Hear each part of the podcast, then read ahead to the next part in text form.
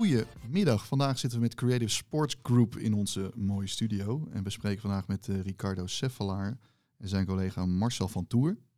Hartelijk welkom hier. Dankjewel. Nou, laten we met de deur in huis vallen. Ricardo, kan je iets over je achtergrond vertellen en het idee achter de Creative Sports Group?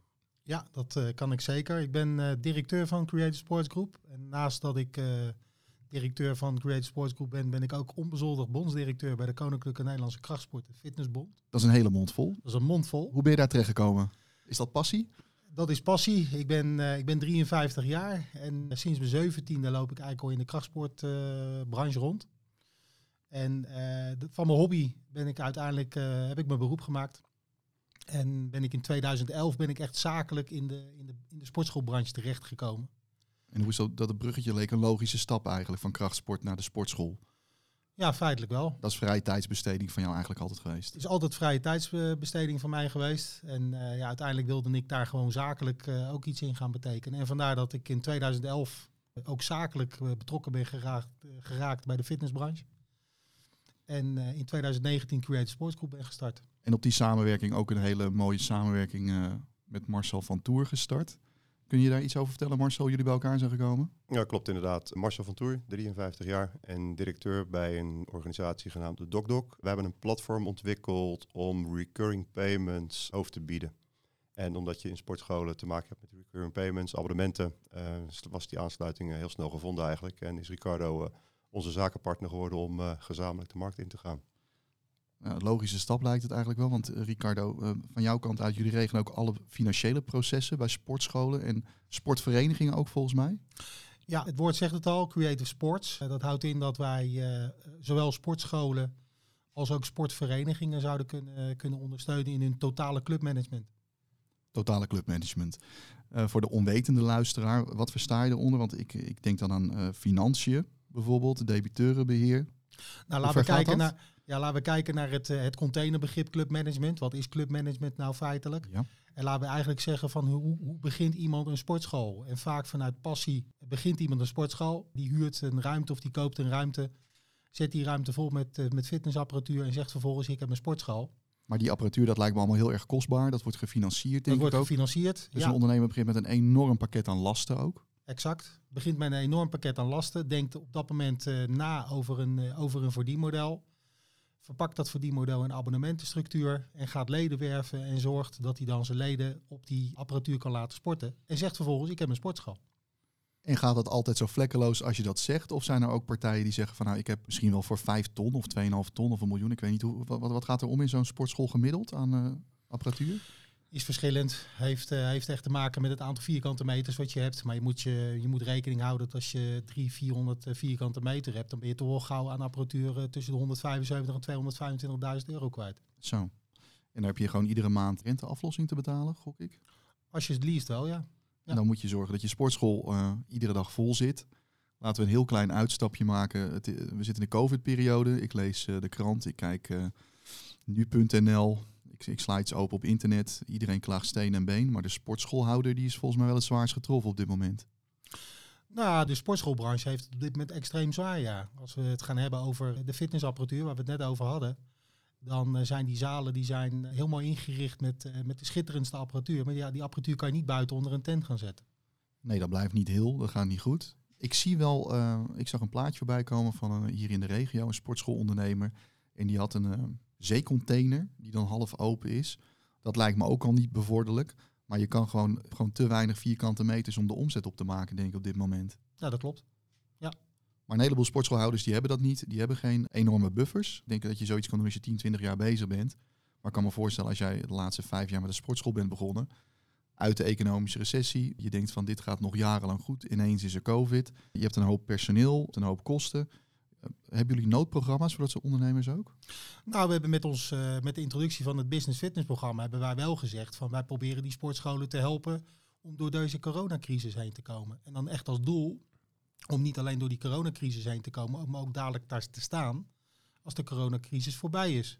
Als ik naar jullie website kijk en we hebben wat besproken ook uh, in de loop der tijd, is managementondersteuning is ook een centraal onderwerp in jullie bedrijf. Kun je daar iets meer over vertellen wat ik daaronder mag verstaan? Ja, hoe je, hoe je het eigenlijk moet zien is dat neem visueel een sportschool of een sportvereniging eh, voor je, dan is de passie is om het lid, de leden, gezond te houden en te maken. Dat is feitelijk waarom je een sportschool begint. En dat doe je met kracht, dat doe je met mobiliteit, dat doe je met voeding en daarmee help je het lid. Een heel breed pakket Een eigenlijk. heel breed pakket aan allerlei zaken waarmee je het lid eh, gezond en, en mentaal en fysiek sterk houdt. En als klant tevreden uiteindelijk. En klant tevreden naar huis gaat.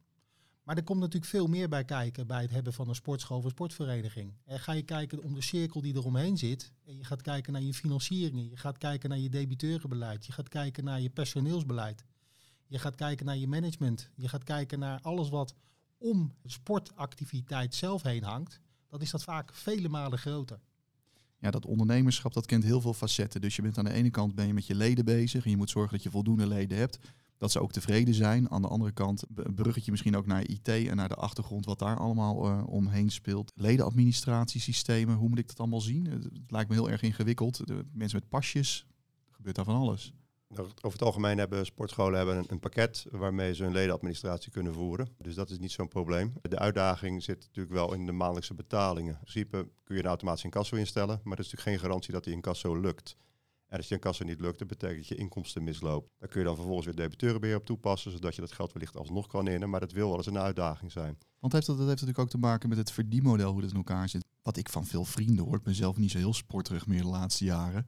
Maar je neemt een abonnement en dat duurt dan meestal een vaste periode, zes of twaalf maanden denk ik. Wat komt er veel voor in de branche? Twaalf maanden. Twaalf maanden.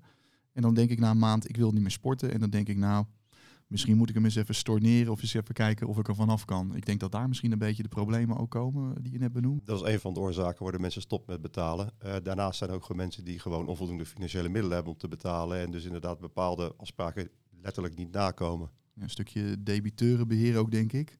Hoe gaan jullie daarmee om? Kunnen jullie daar iets leveren ook? Wij leveren onder andere een ledenadministratiepakket. Wij kunnen de complete ledenadministratie voor sportbedrijven doen.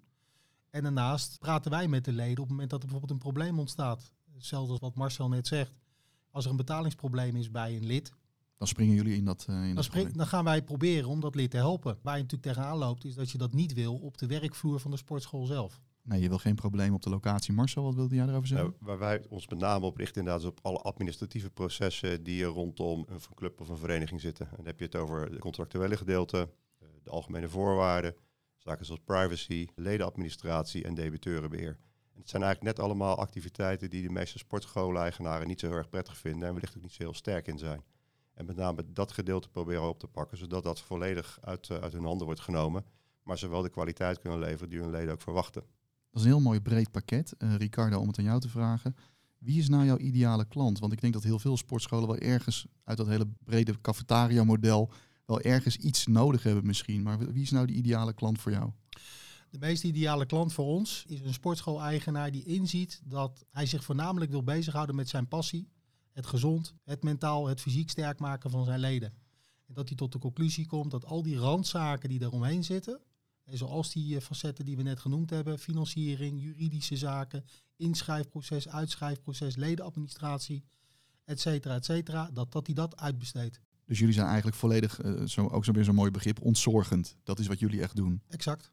We zitten op dit moment midden in de COVID nog. Uh, in ieder geval voor de sportschoolhouder die niet open kan met zijn onderneming. Als ik het zo aanhoor, jullie kunnen heel veel leveren voor sportscholen die een bedrijf zijn. Maar de meeste sportscholen staan stil op dit moment. Hoe, hoe is dat voor jullie als ondernemer? En hoe verhoudt zich dat tot jullie businessmodel? Ik merk nu uh, dat ik dagelijks gebeld word door sportschoolondernemers. Met, met Mensen dit... in paniek ook, denk ik? Financiële nood? Financiële nood, paniek, verdrietig, extreem verdrietig. Soms Ja. huilende ondernemers aan de telefoon, dat kan ik echt wel zeggen. En wat ik dan probeer, is om ze te helpen daar waar nodig. En gaat dat wel meer de route van faillissement voorkomen? Want hoeveel sportscholen telt Nederland die het moeilijk hebben op dit moment? Ik zou het exacte aantal zou ik niet weten. Ik, uh, kijk, maar het is voor branchebreed is dit gewoon een probleem nu natuurlijk. Branche, branchebreed is het een probleem. Ja, klopt. En hoe help je die mensen? Je probeert een hart onder de riem te steken, maar je probeert natuurlijk ook dat ze overeind blijven. Ik probeer met ze mee te denken en, en het zoeken naar uh, mogelijke oplossingen. Maar het valt me ook echt op de politiek. Die houdt gewoon die sportschool dicht. Die kapper mag open. De ander mag niet open. Dat, dat lijkt me een heel onrechtvaardig gevoel ook voor jullie. Want ja, jullie zijn natuurlijk op de hand van de sportschoolondernemer, om het zo te zeggen. En ik vind het zelf ook wel bijzonder, want de kapper zit met zijn neus in je oor zo ongeveer. En dan is het maar de hoop dat iemand een mondkapje op heeft, totdat het allemaal goed verloopt. Sportschool, grote open ruimte, veel ruimte tussen machines. Eh, er loopt een instructeur voorbij, die zegt eens wat tegen je. Kan allemaal op anderhalve meter afstand. De machines staan vaak anderhalve meter uit elkaar. Waar, waar gaat dit mis in de politiek misschien ook wel? Snappen ze het niet? Nou, ik denk wel dat ze het snappen. Ik denk alleen dat de lobby om de sport dat die eh, niet goed gevoerd is. En dat dat beter kan. Is de, zijn die sportschoolhouders niet georganiseerd op een bepaalde Zeker wel, ja, ja. Dat wel. Ja, ja. la- laten we het concreet maken. Ja. Heel concreet maken. Ik heb gisteren een, eh, een vrij lang gesprek gehad met een Tweede Kamerlid. En die zei letterlijk tegen mij, als je kijkt naar een basisschoolklas, dan zitten daar een, een 25 kindjes zitten daarin. En van die 25 kindjes zijn er zeven die ook nog samen turnen bij een turnvereniging. En dan zou je zeggen dat als die 25 kindjes met elkaar gymnastiek hebben in de gymnastiekles, waarom zouden die zeven kindjes niet met elkaar in een turnzaal mogen? Nou, die turnzaal die wordt vanuit overheidswegen gesloten. Maar ze mogen wel diezelfde middag gimmen. Eigenlijk wel gek. En dat is dus heel gek. Ik heb in de afgelopen weken vanuit mijn functie als bondsdirecteur meerdere clubs bezocht. Ik heb daar letterlijk met eigen ogen gezien wat ze allemaal gedaan hebben om veilig binnen te kunnen sporten. En dan moet je denken aan spatschermen, je moet denken aan schoonmaakapparatuur. Is dat, is dat ook nog eh, iets wat ze via jou kunnen betrekken dan? Eh, dat, dat soort apparatuur, daar adviseer je ook over? Nou, ik adviseer niet in de apparatuur, maar kan ze wel in contact brengen met organisaties die apparatuur kunnen leveren. Om in ieder geval maar te zorgen dat ze omzet kunnen blijven maken en die leden kunnen blijven bedienen. Exact. Maar wat me wel opvalt, in de leeftijdscategorie tot 27 jaar, op dit moment mag er wel iets volgens mij met sport. Ik Maar- zag ook mensen in een bootje zitten buiten, eh, gezellig weer aan de roeien. Dat mag dan wel. Ja, zolang het maar buiten is, eh, ik denk dat dat eh, de drijvende kracht is op dit moment. Eh, alles wat binnen is, is verboden en alles wat buiten is, is toegestaan. Daar zie ik op korte termijn ook helaas geen verandering in komen. Nou, maar de apparatuur van een sportschool naar buiten, het, het, het klinkt allemaal zo oneerlijk eigenlijk, hè? Nou, gaan we even terugkijken naar eh, maart vorig jaar. De start van de COVID. De start van de COVID. Toen werd het heel mooi weer. Misschien kan je dat nog herinneren. ja, het was een pracht, het nou, richting was- een prachtige zomer, hè? Het was prachtig weer. En dan zie je bij verschillende clubs je de tenten naar buiten komen. En eh, er wordt de apparatuur onder die tent gezet. Het is weken, zo niet volgens mij wel een maand of twee, gewoon prachtig weer geweest. En dan maakt het niet uit. Maar op het was wel winter in Nederland, hè? En we Ja. hadden behoorlijke vrieskou nog even met veel nattigheid en sneeuw. we- dan ga je niet buiten staan. Dat is gewoon onmogelijk. Dan merk je gewoon dat je daar niet een tent voor kan gaan neerzetten. Maar wat je net zegt, de, de lobby vanuit de branche van die sportscholen, dat is niet zo strak georganiseerd. Maar jij als individu vanuit je onderneming bent wel aan het lobbyen, want jij spreekt een Tweede Kamerlid. Dus jij probeert dat wel in beweging te krijgen. Nou, er zijn op dit moment natuurlijk de lobby's, die zijn er wel. Vanuit eh NL Actief, vanuit NOC-NSF, vanuit onze eigen De bond. sport, ja. Eh. Sportbond breed. Ja. Dus natuurlijk is er wel een lobby. Alleen nu is het taak dat de overheid inziet, de sportbranche aan zich, dus de binnensportbranche, dat het gewoon een ontzettend belangrijke branche is in de bestrijding tegen COVID. Dus niet zozeer een bedreiging is, maar meer een oplossing is. Dus jullie kunnen eigenlijk heel veel bieden, maar die politiek moet wel een stap gaan zetten nu. Exact. Dus het is nu eigenlijk, ja, je probeert mensen morele steun te geven, te zorgen dat ze deze periode overleven. Maar wat, wat is naar jullie idee het, het, het vergezicht? Je zegt er valt weinig over te zeggen, maar als we nou een hele warme zomer krijgen, gaat de apparatuur dan weer naar buiten? En zou dat het moment zijn dat we weer kunnen gaan denken dat het beter wordt? Of blijft de- deze sportscholenbranche nou enorm hard getroffen die hele COVID door? Terwijl heel veel andere dingen wel weer mogen. Simpelweg kijken naar hoe het vorig jaar ging eh, en je trekt de analogie, dan kun je ervan uitgaan dat je in het slechtste geval rond 1 juli weer open mag. In verband met de weersomstandigheden en dat soort zaken. Eh, het enige extra voordeel wat we nu hebben is dat het aantal besmettingen op dit moment lager is dan het verleden jaar was. Dus wellicht dat het wat eerder is. Het tweede argument wat we hebben is natuurlijk dat inmiddels ook gevaccineerd wordt, waardoor die besmettingen ook omlaag zullen gaan. De verwachting is dan we wellicht iets eerder open mogen en dat, dat zal dan rond 1 juni zijn, denk ik. Ik vind het echt ontzettend spannend wat er in de branche gaat gebeuren. Want ja, aan de ene kant zeg je het wordt weer zomer en de mensen worden gevaccineerd. Ik kan me ook voorstellen, de jaarabonnementen zijn wel afgelopen inmiddels. Dus mensen die gaan ook niet meer betalen, dat stopt. Je kan eh, vanuit debiteurenbeheer, kon je nog wat leden zeg maar chasen om tot een betaling over te gaan. En misschien hebben mensen dat uit goede bedoeling wel gedaan als ze al jarenlang lid zijn. Als de binding wat minder is, die leden die gaan weg. En als sportschoolhouder zit je gewoon eh, op zwart zaad, denk ik, op dit moment. Klopt. Dat jaar is voorbij. Klopt. En dan moet je vanaf, laten we zeggen in het ergste geval van maart op maart, dan loop je inkomsten terug, je kosten gaan door. Ik kan me voorstellen dat er hele schrijnende gevallen zijn dat de financiers ook zeggen van kom maar terug met je apparatuur voor die anderhalf, tweeënhalve ton eh, en dan hang je privé of niet. Ja, dat zijn situaties die zouden kunnen, kunnen ontstaan. Als je gaat kijken naar eh, de maand januari, wat per definitie natuurlijk een hele belangrijke maand is in de sportschoolbranche. Hè. De mensen nemen goede voornemens. Iedereen gaat weer sporten. Iedereen gaat weer de sporten. kerstkilo's moeten eraf natuurlijk. Ja, dus laten we lid worden van een sportschool. Ja, dan worden ze in januari worden ze massaal lid. Ja, en vervolgens is die sportschool op dat moment al dicht. Dus ja, lid worden ga ik ook niet doen nu, op dit moment. Nou, het enige wat we kunnen hopen is dat we een hele goede zomer krijgen. Dat iedereen is ingeënt rond die zomer. Dat iedereen dan de COVID-kilo's eraf moet trainen. Maar ik denk dat het absoluut gaat gebeuren. Ja, verwacht je al een hoos? De, de, Ja. de, mentaliteit is van mensen is niet veranderd. Eh, sterker nog, ik denk dat mensen meer ge- geenthousiasmeerd zijn om te gaan sporten en om te gaan bewegen. Ook om die kilo's kwijt te raken en om wellicht te voorkomen dat het nog een keer gebeurt. Dus Ja. we krijgen alleen niet nu op 1 januari een run, maar dan op 1 juli denk ik. eh, de nieuwjaarsrun is eh, zes maanden vertraagd. Eh, daarom was het ook extra wrang om daarop eh, op in te haken. Is dat afgelopen persconferentie die we allemaal hebben kunnen horen natuurlijk. Allemaal goede hoop natuurlijk, dat er veel meer mag. Nou ja, de demissionair premier die gaf natuurlijk duidelijk aan de coronakilo's. En toen zat ik natuurlijk op het puntje van mijn stoel. Ik denk, nu, nu gaat het komen. Nu komt hij, ja. Maar de hele sportbranche werd niet genoemd. En eh, ja, dat, heeft, dat doet zeer. Dat doet zeer bij ons, dat doet zeer bij mij. Dat doet zeer bij mijn klanten, want dat is raar. Want waarom wordt sportbranche nu ineens niet meer genoemd? Ja, Ja, ik, ik denk dat het desastreuze gevolgen heeft. Want een heleboel ondernemers zullen toch moeten staken.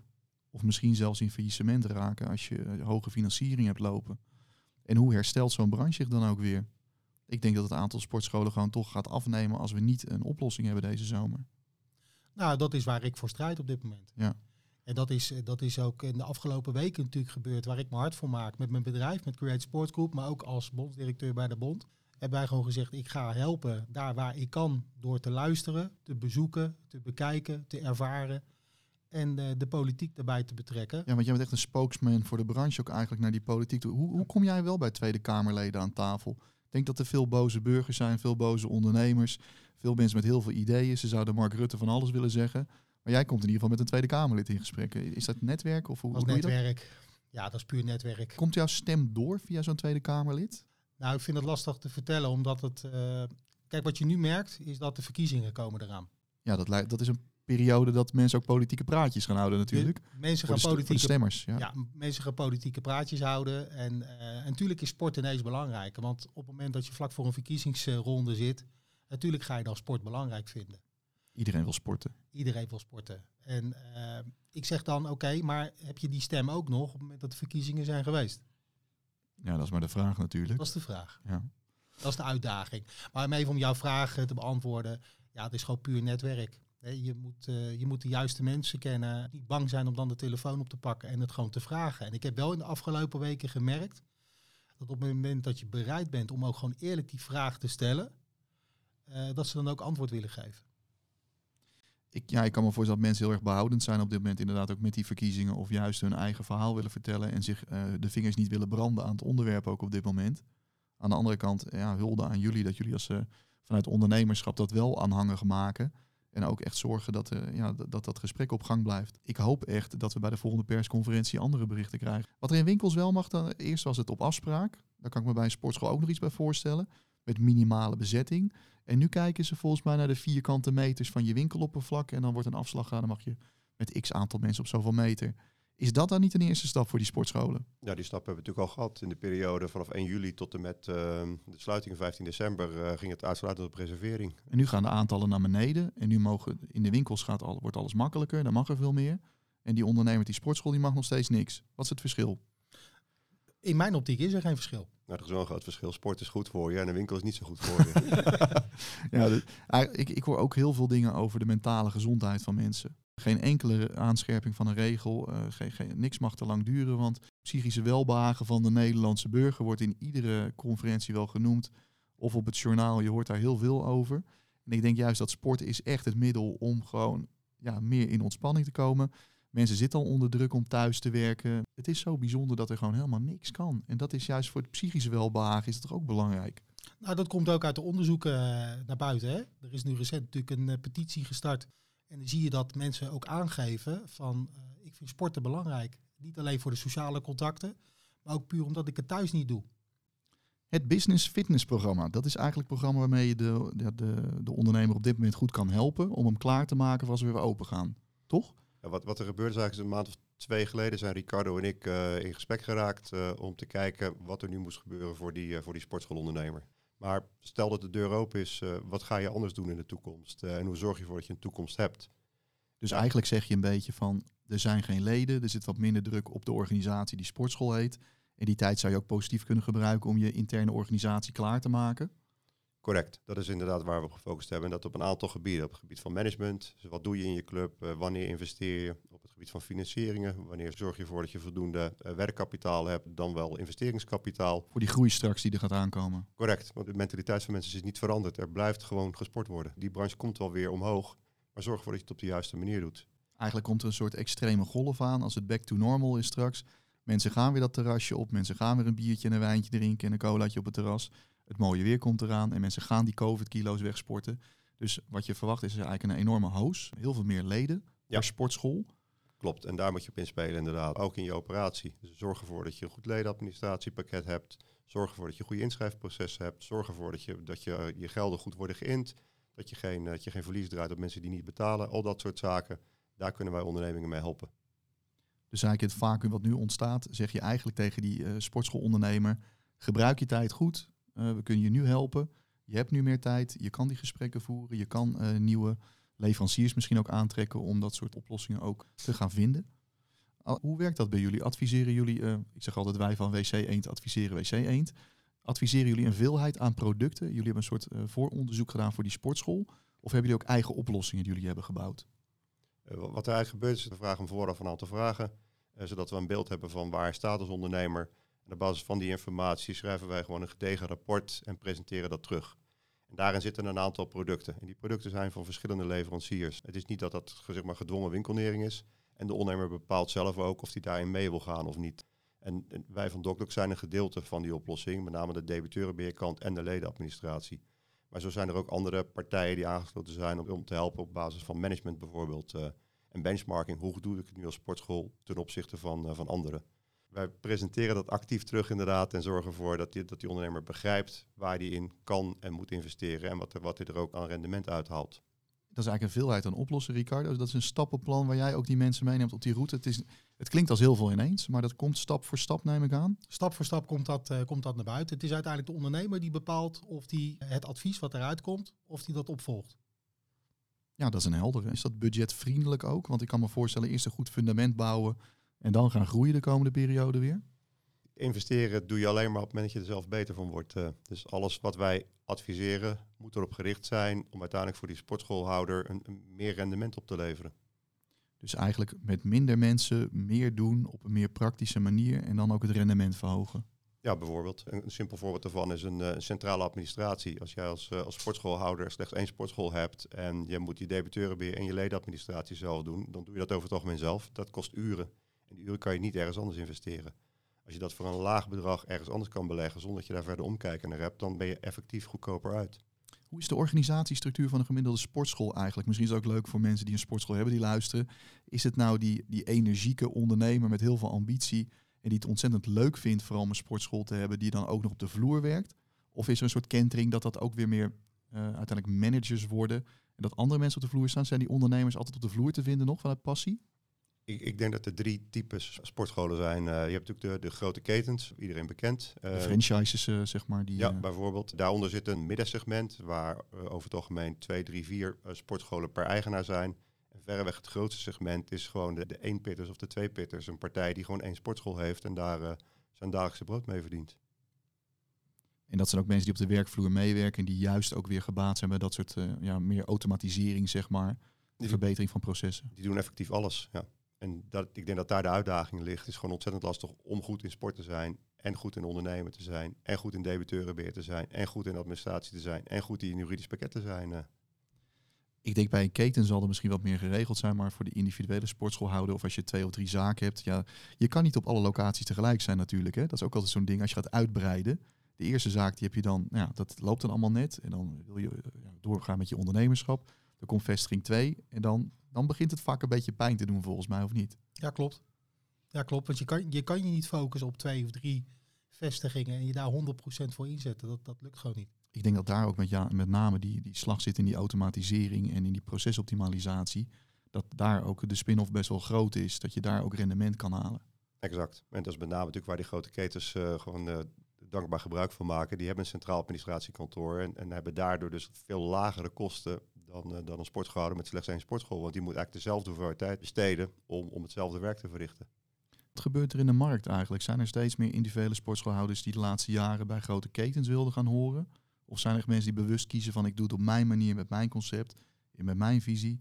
Nou, als je naar dat segment kijkt, dan zeg ik altijd van blijf jezelf. Bied iets aan wat je uniek maakt.